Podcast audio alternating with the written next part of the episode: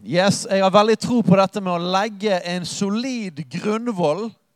Og legge evangeliet solid inn i oss. Jeg tror at eh, alt som, eh, som vi bygger og er som personlig som kristne, men òg som et fellesskap, som menighet det, Vi kan nå mye lengre hvis vi har en solid grunnvoll.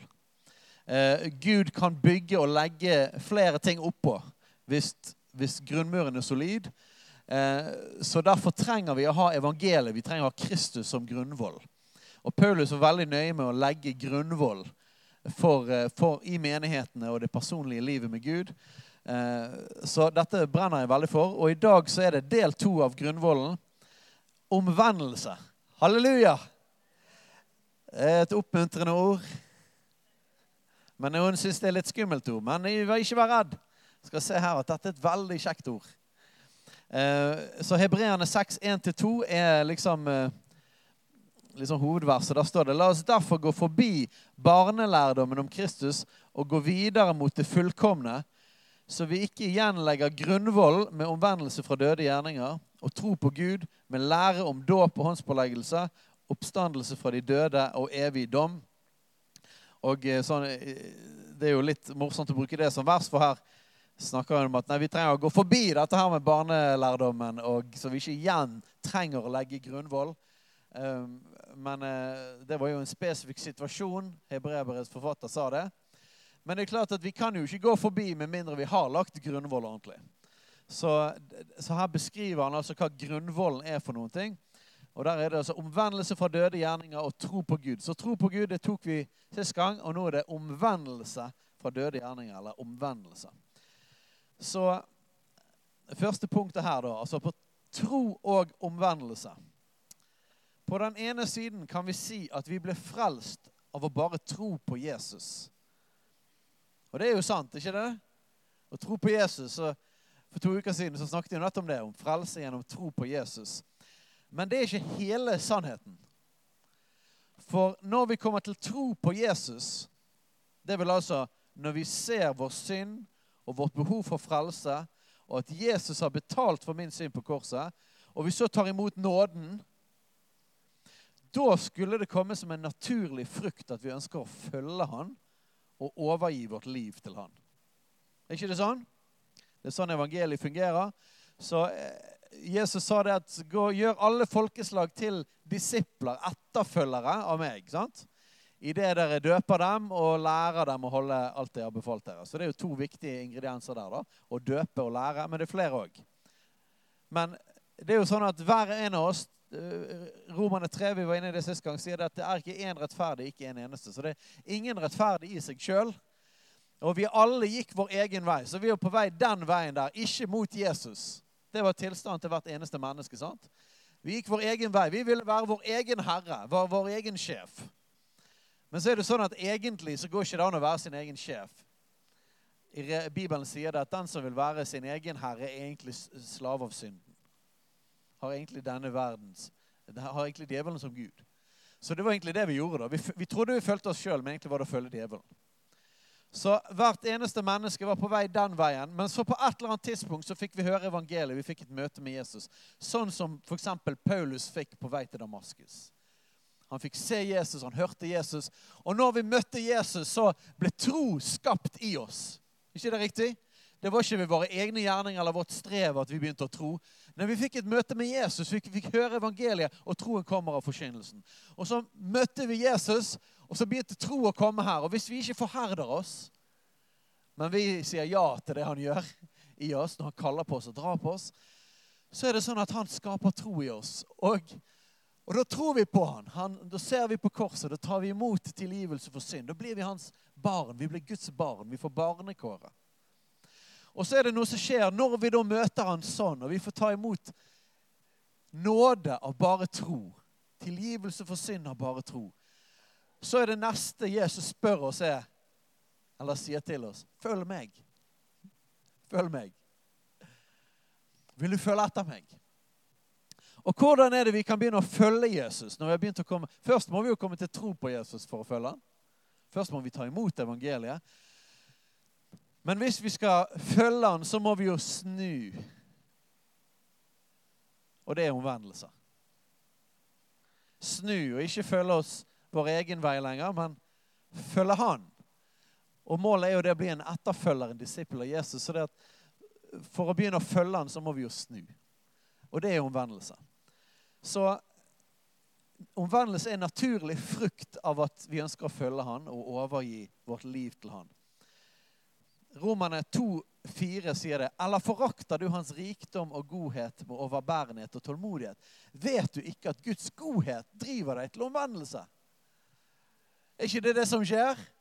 Vi fikk smake hans godhet, smake hans nåde, smake hans kjærlighet. Og så skjedde det noe inni oss som gjorde at vi har lyst til å følge deg, Jesus. Er det sant? Er det sånn det skjedde i ditt liv? Om man ikke ønsker å vende om, da har man ikke virkelig sett hva Jesus har gjort for oss. Er ikke det sant? Er det, en, er det en ekte tro på Jesus om den ikke fører til omvendelse? Man kan ikke få tilgivelse for synd uten omvendelse. Og Det betyr at det finnes ingen frelse gjennom tro uten omvendelse.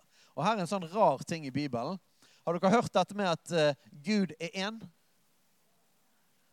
Har dere hørt òg at uh, Gud er tre? Faderen, Sønnen og Ånden. Tre og én. Så hva er det da? Eller tre eller én? Det er helt rett, Ellen. Ja. Så blir vi frelst av tro. Ja. Av bare nåde. Ja. Men så blir vi også frelst av omvendelse. Det skal vi se flere vers på. Så hva er det da? Er det tro eller omvendelse? Ja. Og Bibelen har mange sånne. Nei, det er begge deler. Det er ikke enten-eller. Men de henger så uløselig tett sammen. De er to sider av det samme. Men det begynner med at vi bare får møte Han. Så omvendelse er heller ikke en gjerning, en sånn lovgjerning. Det er noe som kommer som en respons av noe Jesus gjør i oss. Apostels gjerninger 3,19.: Fatt da et annet sinn og omvend dere, så deres synder kan bli utslettet. Så omvend dere så deres synder kan bli utslettet. Så vi får tilgivelse for synd gjennom tro. Men her står det òg at vi får tilgivelse for synd gjennom omvendelse. Så hva er det da? Ja. Apostelens gjerninger 531. Ham har Gud opphøyet ved sin høyre hånd til høvding og frelser for å gi Israel omvendelse og syndenes forlatelse. Ser dere her at omvendelse og tilgivelse for synd henger tett sammen? Apostelens gjerninger 11, 20-21. Men noen av dem, noen menn fra Kypros og Kyrene, kom til Antiokia, hvor de også talte til grekere og forkynte evangeliet om Herren Jesus. Halleluja. Og Herrens hånd var med dem. Og et stort antall kom til troen og omvendte seg til Herren. Ser dere at de henger sammen? De hørte evangeliet. Hva skjedde når de hørte evangeliet om Herren Jesus, og Herrens hånd var med dem? Jo, et stort antall de begynte å tro på Jesus. De begynte å tro på evangeliet. Sist gang vi gikk gjennom, Hva er det vi skal tro på, da? Tro på Jesus, tro på Gud? Ja. Men helt konkret så, tro, så sa Jesus omvend dere og tro på evangeliet. Så de begynte å tro på evangeliet når de hørte det. De tok imot evangeliet. Og som en respons på at de begynte å tro, så vendte de om. Så tro og omvendelse. Og så står det en historie her. Eh, eh, bare et eksempel til på hvordan disse henger sammen. Apostelgjerninger 32, 9, 32 og 42. Mens når Peter dro omkring fra sted til sted, kom han også ned til de hellige som bodde i Lodd. Vi er de hellige i Bergen, vet dere det? De hellige. Det er tittelen vår. Der fant han en mann som het, hette Eneas, som hadde ligget åtte år til sengs fordi han var lam. Og Peter sa til ham Eneas, Jesus Kristus helbreder deg. Stå opp og re sengen din. Og straks sto han opp. Halleluja. Og de så ham, alle som bodde i Lodd og Saron, og de omvendte seg til Herren. Så de så dette mirakelet, og derfor så omvendte de seg til Herren. Så husk den. De omvendte seg til Herren. I Jaffa var det en kvinne som var disippel. Hun het Tabita på gresk Dorkas. Hun var rik på gode gjerninger og hun ga mange almisser. Og Det skjedde nettopp i disse dager at hun ble syk og døde. Og De vasket eh, henne og la henne på en sal ovenpå. Da Lodd ligger i nærheten av Jaffa, og disiplene hørte at Peter var der, sendte de to menn til han og ba, kom hit til oss uten å nøle. Peter sto da opp og gikk med dem. Da han kom fram, førte de ham opp på salen, der alle enkene sto gråtende rundt ham. De viste ham kapper og ytterkapper som Dorcas hadde laget mens hun var blant dem. Eh, men Peter sendte dem alle ut og bøyde kne og ba. Så vendte han seg mot den døde og sa, Tabita, stå opp. Hun slo opp sine øyne, og da hun så Peter, satte hun seg opp. Fantastisk. Får lyst til å begynne å snakke om mirakler, og sånn, men det er ikke akkurat det vi skal gjøre nå. Så rakte han henne hånden og reiste henne opp. Og han kalte inn de hellige og enkene og stilte henne levende framfor dem. Dette ble kjent over hele Jaffa, og mange kom til tro på Herren. Så det første mirakelet Hva var det som skjedde da? Da omvendte de seg til Herren. Men så i nabobyen så skjedde det et annet mirakel, og de kom til tro på Herren. Tror dere det var sånn at i den ene byen så trodde de, men ikke vendte om? Mens i den andre byen så vendte de om, men ikke trodde? Nei. Disse ordene blir brukt om hverandre gjennom Det nye testamentet. Så de henger uløselig tett sammen. Og begge, begge begrepene, å tro på Jesus, tro på evangeliet, eller å omvende seg til Jesus eller følge Jesus, blir brukt Begge de begrepene blir brukt for å bli en kristen. Så hva er poenget med å si det? Vi trenger begge deler. Fordi at det blir faktisk forkynt Det blir faktisk forkynt i vår del av verden og i vårt land. Frelse ved en tro som ikke er bibelsk. Altså at man blir frelst gjennom en tro på Jesus som ikke nødvendigvis er det Bibelen, beskriver som en tro på Jesus.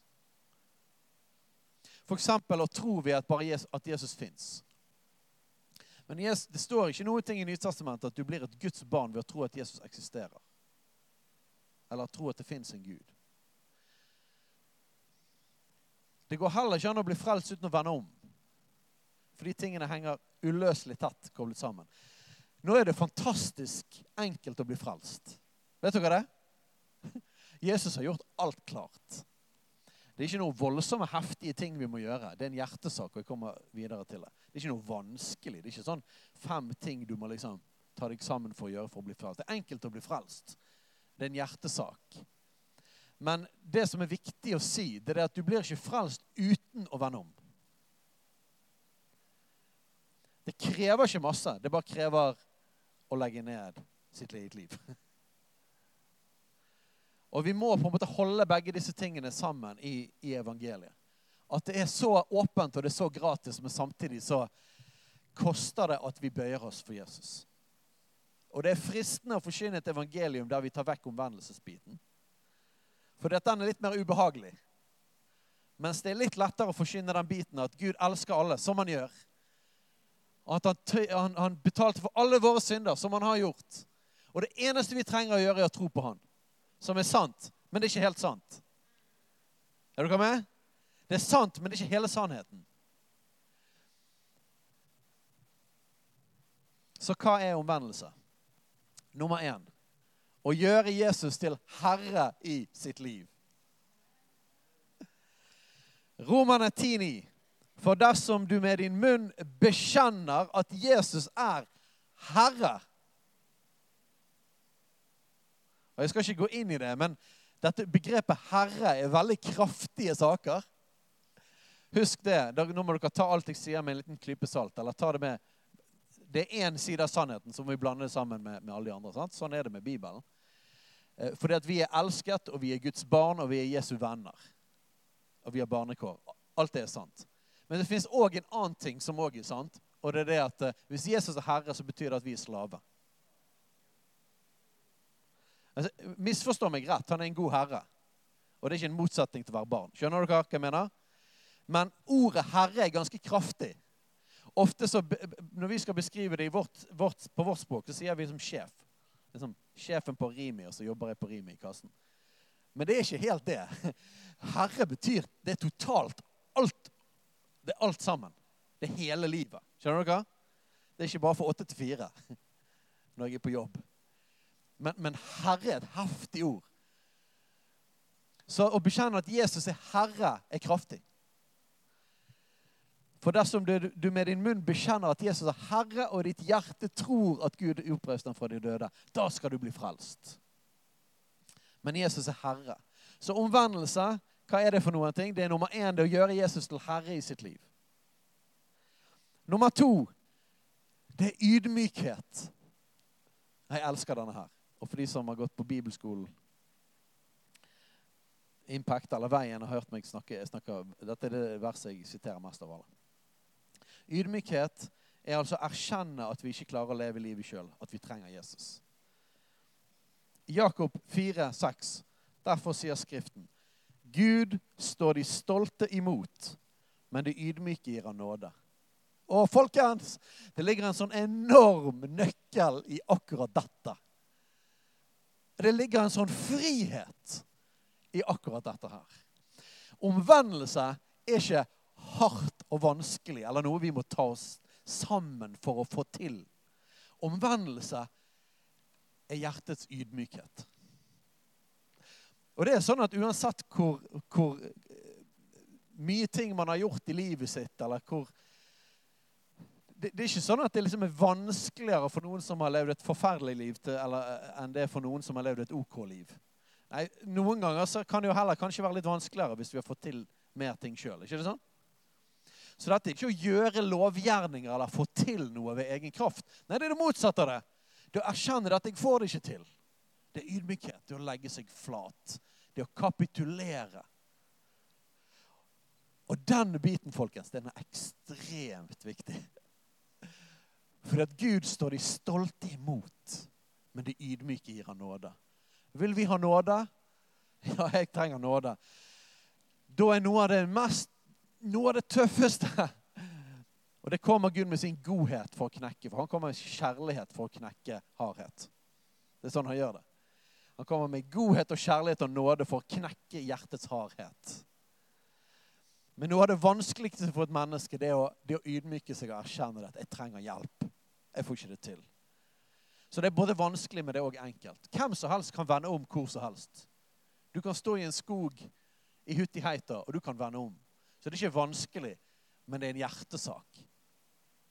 Og vi kommer ikke inn uten. Vi kommer ikke inn uten den ydmykheten å bøye seg for Han. For vi kan ikke ta imot nåde uten erkjennelse. Så omvendelse er ydmykhet. Erkjenne at vi ikke klarer å leve livet sjøl, og at de trenger Jesus. Nummer tre det henger jo tett sammen etter. Hva er omvendelse? Det er å bøye seg for Gud. Omvendelse er tilbedelse. Så den beste treningen vi har på å leve i omvendelse, er når vi, er når vi tilber Jesus. For da synger vi stadig 'Jeg bøyer meg for deg'. Du er Herre. Du er Gud. Og jeg, jeg, legger mitt liv ned for deg. Takk for alt det du har gjort for meg. Jeg bøyer meg for deg. Gjør ikke vi det? Synger ikke vi det til han? Og det, det, Der er det akkurat som at eh, Gud forfrisker dette hjertet vårt. At vi får leve sånn alltid. Vi får leve bøyd. For det er jo den, det er jo den som det er jo den som mister sitt liv, det er den som finner sitt liv. Guds rike er et opp-ned-rike. Romerne 14, 11. For det står skrevet, så sant jeg lever, sier Herren, for, for meg skal hvert kne bøye seg, og hver tunge skal prise Gud. På ett tidspunkt så kommer alle til å bøye kne for Herrenes herre og kongenes konge. Så jeg tenker det er like greit å gjøre det med en gang. Amen. Nummer fire, omvendelse, det er å gi slipp på sitt eget liv. Det er å kapitulere og overgi seg til Gud. Halleluja. Markus 8,34. Så kalte han til seg folket eh, kalte han folket sammen med disiplene sine og sa Den som vil følge etter meg, han må fornekte seg selv og ta sitt kors opp og følge meg. For den som vil berge sitt liv, skal miste det. Mens den som mister sitt liv for min skyld og evangeliets skyld, skal berge det. Dette høres liksom så vanskelig og tøft ut. Men for alle som har erfart å møte Jesus, så er det på en måte Jeg vet ikke om noe mer frigjørende enn å bare ha lagt meg flat for Gud. Det er en enorm frihet i det. Jeg trenger ikke å klare ting sjøl. Jeg trenger ikke å stå på egne bein. Jeg trenger ikke å få til. Jeg kan bare bøye meg. Jeg kan bøye hjertet mitt. Jeg kan kapitulere og si det at jeg lever ikke lenger sjøl. Jeg lever for deg. Nummer fem Omvendelse er å forandre måten vi tenker. Apostels gjerninger 3,19. Fatt da et annet sinn og omvend dere, så deres synder kan bli utslettet. Så omvendelse er å snu om måten vi tenker. Og nummer seks, den siste her. Hva er omvendelse? Omvendelse, det er kjærlighet.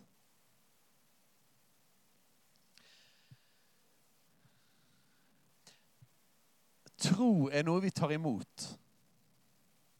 Tro er basically at vi får se, vi får en åpenbaring over hva han har gjort for oss. Sant? Og så får vi en åpenbaring. Wow, Jesus, du fins. Du er frelseren min. Du har dødd for meg. Du er god. Du elsker meg. Det er tro.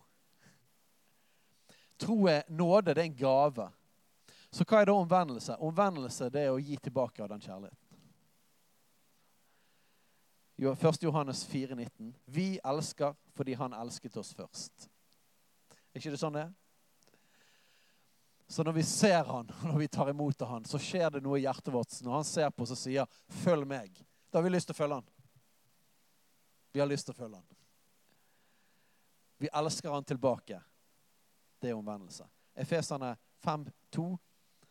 Litt ut i verset står det 'vandre i kjærlighet', like som også Kristus elsket oss og ga seg selv for oss som en gave, et offer, en vellukt for Gud. Så vi er altså utfordret til å sjøl vandre i kjærlighet på samme måte som han elsket oss og ga seg sjøl for oss. Så omvendelse er et gjensvar. Det er vårt gjensvar til Gud av kjærlighet.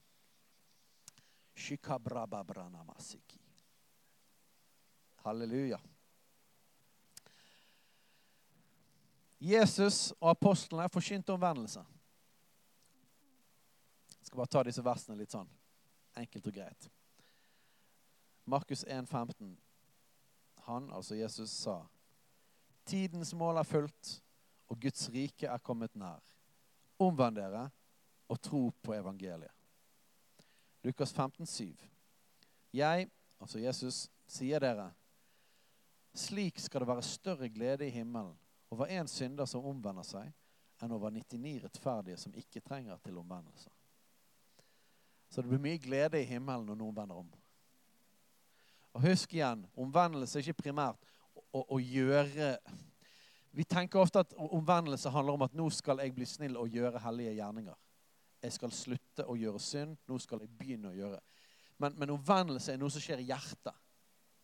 Eh, Johannes døperen sa det sånn når det kom mange folk. Han forkynte omvendelsesdåp. Så kom folk og ville vende om og bli døpt. sant? Bekjente sin synd. Så sa han, 'Bær da frukt'. Sant? Bær da frukt som er omvendelsen verdig. Så omvendelse begynner For du kan ikke du kunne komme til Johannes døperen her, så kunne du si det at 'Jeg vil vende om'.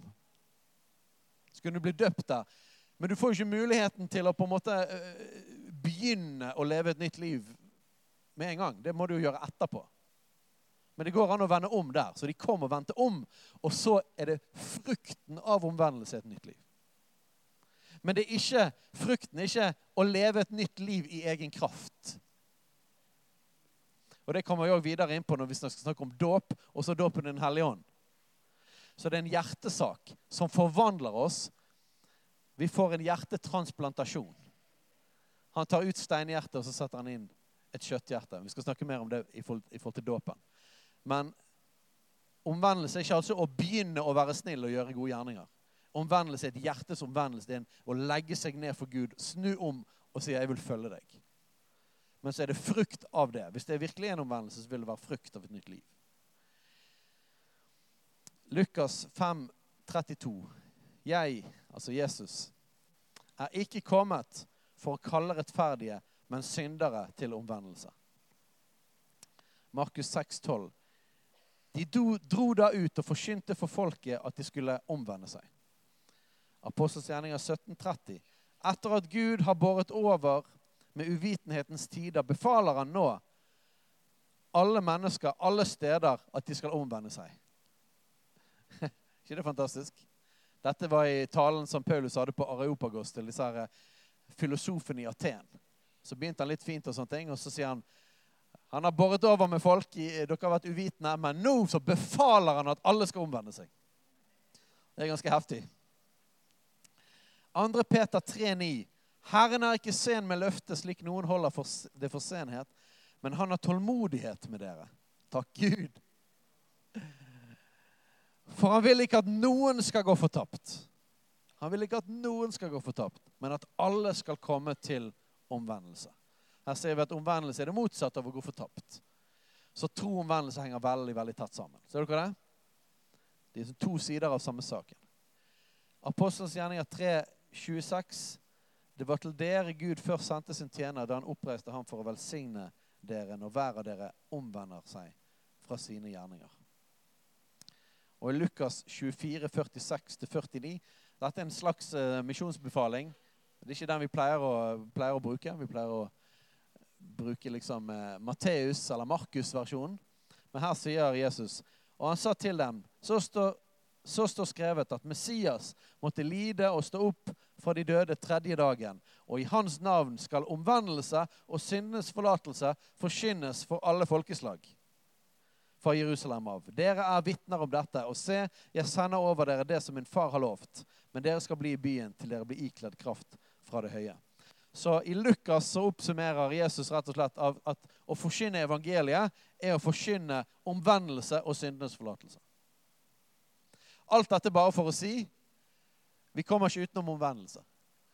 Er vi med? Tro er ekstremt viktig. Det er den første byggeblokken i, fundamentet. Men så kommer omvendelse. Helt essensielt. Sånn som tro. Den andre siden av det. Tro kommer først, og så er natur, omvendelse en naturlig etterfølgelse av det. Til slutt skal vi ta denne historien her. Den bortkomne sønn vendte om. Faderens kjærlighet til oss, nåde og frelse av tro, er ingen motsetning til budskapet om omvendelse.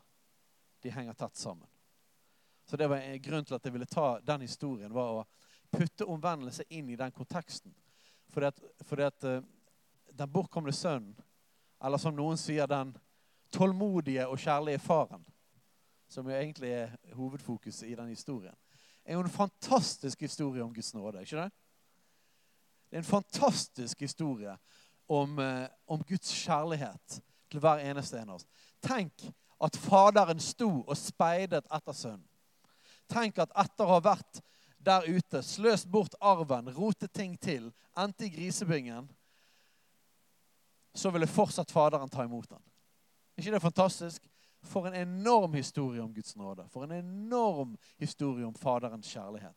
Og når, når sønnen kom til Faderen, så var ikke det bare det at han fikk komme tilbake. Han sa 'jeg kan bli en av, en av tjenerne dine'. Nei, han ble gjenopprettet med en gang. Han fikk ring på fingeren. Han fikk nye klær. Han ble erklært at han var sønn med en gang. Og faderen hadde en fest for. Så han var en del av familien med en gang. ikke det fantastisk? En enorm historie om Guds nåde og kjærlighet.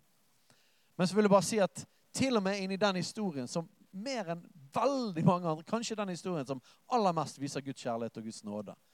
Hvor ufortjent det er. Inni den så har vi òg omvendelsen. For at Gud han tar alltid imot. Du skjønner? Fordi at han elsker oss. Han har skapt oss. Han vil at vi skal ha fellesskap med han. Han vil aldri avvise oss om vi kommer til ham. Og han speider etter oss.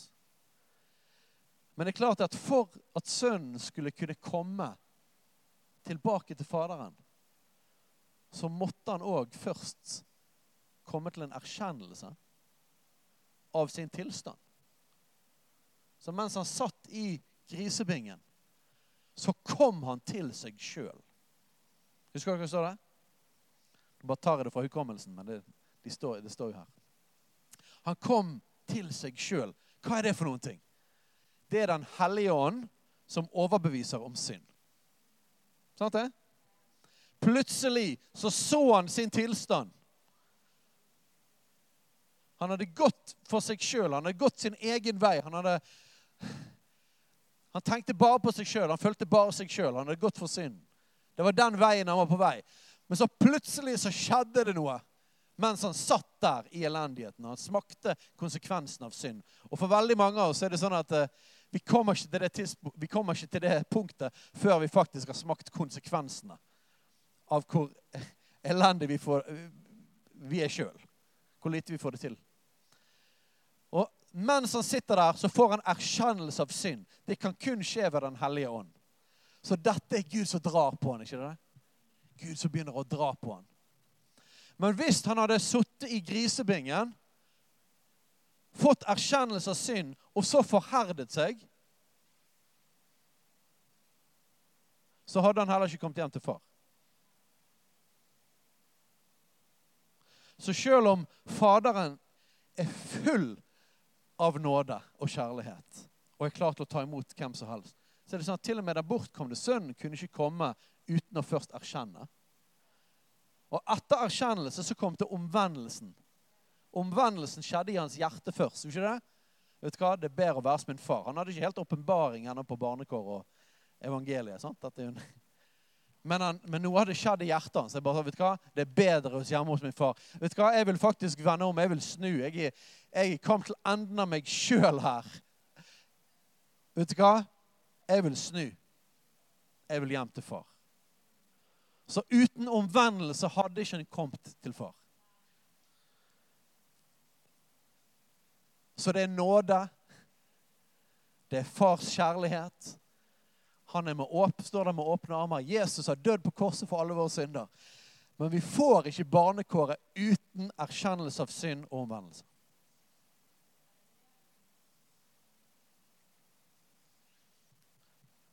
Og mange har lyst til å forkynne den historien som at alle bare kan komme inn til far. Ja, de kan komme inn, hvis de vender opp. Det er åpent for alle som vil ydmyke seg. Men dere så at den bortkomne sønn det er ikke det at han måtte gjøre så mye om at være en flink kristen før han kunne komme hjem til far. Nei, nei, nei. Det eneste han trengte, var ydmykhet. Men det var en forutsetning. For med et hardt hjerte og med opprør i hjertet så kan du ikke komme til far. Selv om far han har tålmodighet, som det sto i 2. Peter der. Han vil ikke at noen skal gå fortapt, men at alle skal komme til omvendelse. Så han vil dra og dra og dra på folk. Han vil kalle på folk. Han vil gi ut av sin godhet. Han vil la folk få smake Guds godhet. Igjen og igjen og igjen og igjen. Og så driver Guds godhet til omvendelse. ikke det sånn? Men vi må komme til omvendelse for å komme hjem til far. Og For oss så kunne jo dette være nesten så selvfølgelig at omvendelse er en så sentral del av det. Men jeg opplever det utrolig viktig å forkynne og undervise om omvendelse. Fordi at denne biten av evangeliet har blitt tatt vekk i store deler av vår kultur. Men det er en enorm nøkkel til frihet. Og faktisk er det sånn at ja, vi blir frelst av tro, men vi blir ikke frelst uten omvendelse. Så hva er det da? Tro eller omvendelse? Det er begge to. Så takk, Jesus, for at vi har fått lov til å se deg, og hva du gjorde på korset for oss. Vi takker deg, far, for at du står med åpne armer. Vi takker deg for at du drar på oss, Herre. Du kaller oss, Herre. Du sender ut din ånd til å dra på hjertene våre. Du, du lar oss få smake din godhet. Igjen og igjen og igjen. Din godhet og miskunnhet etterjager oss. Men far, vi vet at på et eller annet tidspunkt så må vi ta et valg om å bøye oss for deg og snu og begynne å følge deg.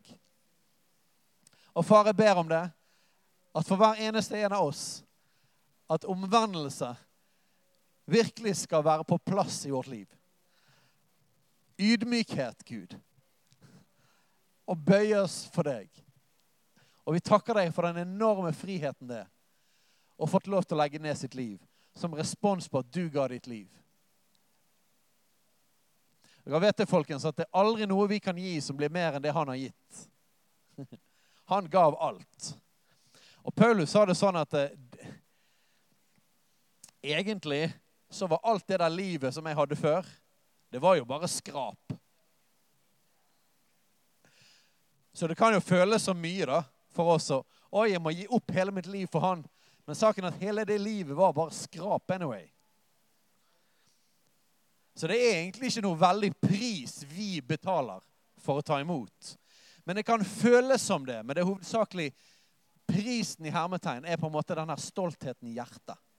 Det er det, det, det, det der det ligger. Men det er en frihet å bli kvitt den stoltheten. Mange ganger Det er så viktig, folkens, at vi ikke leder mennesker til Jesus uten at de er klar for å vende om.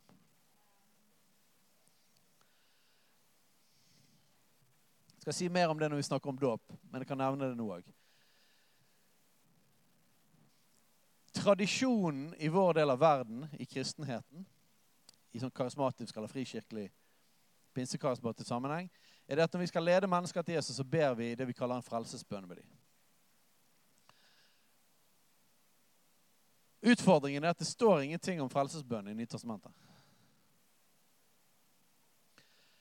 Men det er klart at hvis vi ber en bønn med folk som er å hjelpe folk å bekjenne sin tro, og det er en, en bønn der man virkelig kan overgi seg til Gud og hjelpe folk til omvendelse gjennom en bønn, så er det klart at det er kjempebra. Det funker. Ok? Men det nye testamentet var måten folk tok imot på, var at de ble døpt. Skal vi se på neste gang. Det var den praktiske måten. Men det var ingen som ble døpt uten at de først trodde og vendte om. Så du måtte tro og vende om, og så ble folk døpt. Men hvorfor sier jeg dette? Det er fordi at vi har gjort det til en, til en tradisjon at vi driver og leder mennesker til Jesus som ikke er klar for å bli frelst. Og da vet ikke jeg egentlig om vi egentlig leder dem til Jesus. Halleluja! Veldig mange snakker om dette at ja, så og så mange ble frelst, men det var vanskelig å få dem inn i menighet, eller det var vanskelig å disiplere dem. Det jeg lurer på da, er ble de frelst? Ok, Hvis omvendelse er å legge ned sitt liv og si 'jeg vil følge deg, Jesus'. Hvis du virkelig har vendt om, hvis du må vende om for å bli frelst Hvis du virkelig har vendt om Jesus, nå er du min herre. Hele livet mitt tilhører deg. Kan du da si Nei, jeg har ikke lyst til å ha, ha kontakt med deg, du kristne som ba en bønn med meg. Hvis det er responsen etterpå, så blir ikke du frelst. Eller som jeg har opplevd mange ganger, hvis responsen er å lyge på hva telefonnummeret ditt er fordi at de ikke vil ha kontakt Da er ikke Jesus herre i deres liv. Og da har de ikke, blitt, har de ikke vendt om. Jeg vet ikke, altså, Ifølge Guds ord, sånn som jeg leser det, så har du ikke blitt frelst. Vi tror ofte det at det er vanskelig å disippelgjøre mennesker. Jeg tror det at vi ikke forsyner hele evangeliet til dem og tar det gjennom til tro, omvendelse og dåp. Da er det vanskelig å disiplere folk. Vi prøver å disippelgjøre noen som fortsatt går sin egen vei. De har ikke snudd og begynt å følge Jesus. Det er klart det er vanskelig. Etter jeg begynte å forkynne omvendelse, tro, omvendelse og dåp, og så fått de døpt i Den hellige ånd òg, så har det blitt veldig lett å disiplere mennesker. Men det er mange da som ikke er klar til å ta imot Jesus. Men det er greit. For det at Jesus han løp ikke etter noen. Husker dere den rike unge mannen? Selg alt du eier, og gi det til de fattige. Han bare, Nei, det, det var litt heftig. Alt det min far har jobbet for. Og så gikk han sorgfull bort. Og hva gjorde Jesus? Han lot han gå. Så hvis noen ikke er klar for å vende om, så er ikke de klar for å bli frelst. Og hvis noen ikke er klar for å bli frelst, nei, da ber vi mer for dem, da. Da ber vi om at Gud skal etterjage dem med sin godhet. Og det jeg pleier å be for folk som ikke er klar ennå, men har fått en smak av Gud, det er at Gud blir for sterk for dem. Gud plag dem dag og natt. Ikke la de slippe unna. La de komme seg til, til seg sjøl, sånn som, sånn som han eh, bortkomne sønnen i grisebingen. La, kom med syndenød over dem. La de få se at de får tapt uten deg, Jesus. Og så legger vi glødende kull på deres hode. Og la Guds godhet plage dem. For Guds godhet er en plage helt til du vender om. Og helt til du bøyer deg. Og så forkynner man evangeliet, og så fortsetter man å be. Så forkynner man evangeliet, og så gir man de smakebiter av Guds godhet. Helt til man er klar. Men Gud tvinger ingen, og vi skal ikke lede mennesker til Jesus som ikke har lyst til å følge Jesus. Vi må slutte med det der greiene. Gjør alle folkesak til disipler. Det var målet. Ikke få alle mulige folk til å rekke opp en hånd og be en bønn. For det fins folk som kan rekke opp en hånd og be en bønn som ikke er klar for å bli en disippel. Og de hadde ikke fulgt etter Jesus for 2000 år siden. Så hvorfor sier vi at de er kristne nå? Hvis vi virkelig skal se for forskjell i landet vårt, i byen vår, at vennene våre og naboene våre skal bli frelst og bli, følge Jesus, så er det ikke å senke terskelen for evangeliet. Nei, det er å reise opp evangeliet og forkynne det i stor kraft og frimodighet. Og hvis du tenker at ah, det blir for vanskelig for dem å legge ned hele sitt liv Ja, men det er jo det. Det er jo helt umulig. Det er helt umulig å bli frelst med mindre Gud gjør noe radikalt i hjertet. Helt umulig. Du kan ikke bli frelst gjennom å få en, liksom en mini-light-versjon. Det er kun hele evangeliet som frelser. Så la oss gi hele evangeliet. Jeg tror at vi har vært så redd for å Vi har hatt så lite resultater at vi har senket terskelen. Men Bibelen tillater ikke det. Jeg brenner etter virkelig etterfølgere for Jesus. Etter jeg sluttet å lede titalls og hundrevis etter hvert av mennesker til Jesus på gaten og begynte å forkynne omvendelse, så ble det mye færre folk som sa de ville følge Jesus. Men det fine er at de som sa de ville følge Jesus, de følger Jesus. Vi er kalt til å gjøre disipler. Og eh, tiden er ute. Men en av mine favorittvers, Apostelens gjerninger 2, 38, eller 37 og 38. Peter forkynner evangeliet på pinsedag. Han forkynner veldig tydelig. Han sier at dere drepte Jesus. Er ikke det hyggelig? Dere drepte Messias. Og så står det at det stakk de i hjertet. Og så sa de, 'Hva skal vi gjøre, brødre?' Uten at det stikker i hjertet, så kan du ikke vende om. Og for at det skal stikke i hjertet, må du forkynne hele evangeliet. Du må forkynne synd, du må forkynne omvendelse. Så selvfølgelig Guds godhet og nåde og hans kjærlighet. Men vi må forkynne omvendelsesbiten. Vi må forkynne synd. For det er ikke tilgivelse for synd uten at vi har erkjennelse av synd. Så det stakk de i hjertet, og så sa de hva sa Peter da? Lukk øynene. Få noen til å spille forsiktig bak. Eh, skru ned lyset. Og be en bønn med meg. Lukk, rekk opp hånden din. Eh, har folk blitt frelst sånn? Ja. Men det, jeg tror ikke noen gang noen har gjort det på den måten uten at det er bare en liten prosent av de som faktisk er klar. Så hvorfor gjør vi det, da? Tror dere at hvis du ikke tør Hvis du ikke er klar for at andre skal se at du vil følge Jesus, har du da vendt om?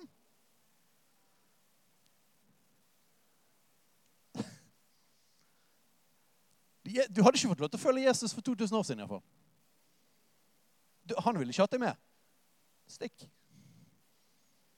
Du får ikke lov til å være her med meg. Den som forlater sin far og sin mor, osv.